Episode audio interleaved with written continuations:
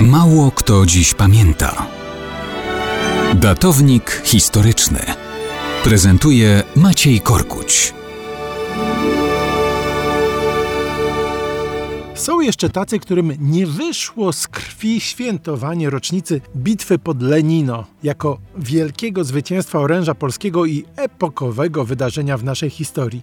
W PRL była to jedna z najbardziej zafałszowanych opowieści wokół propagandowych obchodów ustanowionego właśnie z tego powodu na 12 października Dnia Wojska Polskiego. Problem w tym, że dywizja walcząca pod Lenino to nie były siły zbrojne Rzeczypospolitej Polskiej, lecz jednostki stworzone na polecenie Stalina do realizacji jego własnych celów bardziej tych politycznych, ukierunkowanych na uniemożliwienie odbudowy wolnej Polski, niż militarnych. Na czele dywizji został postawiony dezerter z wojska polskiego Zygmunt Berling, kiedyś podpułkownik. Teraz za dezercję w wojsku polskim zdegradowany, ale przez Stalina ogłoszony generałem. Żołnierze, którzy się tam znaleźli, to Polacy, którzy nie tyle nie byli tymi, co nie zdążyli do Andersa, jak się powszechnie mówi, bo przecież Anders to nie pociąg na dworcu kolejowym. To byli Polacy, w większości z kresów, którym Stalin zablokował drogę do rekrutacji do armii Andersa. Po jej wyprowadzeniu na Bliski Wschód, za zgodą Moskwy zresztą, rząd Rzeczpospolitej chciał jeszcze rekrutację kontynuować, ale Kreml na to nie pozwolił.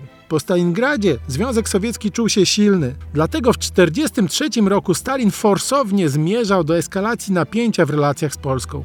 Dlatego w końcu zerwał stosunki z Polską i wbrew niej zaczął tworzyć z Polaków własne jednostki pod dowództwem owego zdrajcy Berlinga. Bitwa pod Lenino była szybko wygenerowana. Nieprzygotowanych żołnierzy posłano na Niemców tylko po to, żeby ten fakt mógł Mołotow wykorzystać przeciw Polsce w drugiej połowie października na spotkaniu szefów dyplomacji USA, Wielkiej Brytanii i Związku Sowieckiego. Sama bitwa była faktycznie porażką. Niemcy odzyskali, co stracili po ataku Polaków. W tej politycznej zagrywce Stalina śmierć poniosło aż pół tysiąca naszych współobywateli. Powinniśmy o nich pamiętać jako ofiarach tej wojny, które przecież nie miały wpływu na to, do czego Moskwa wykorzysta ich przelaną krew. Drugie tyle Ponad 600 ludzi uciekło na stronę wroga. Ich los też powinniśmy rozumieć. Wszak w 1939 roku widzieli tylko najazd sowiecki. Teraz skorzystali z pierwszej okazji, by z łap Stalina wyrwać się gdziekolwiek.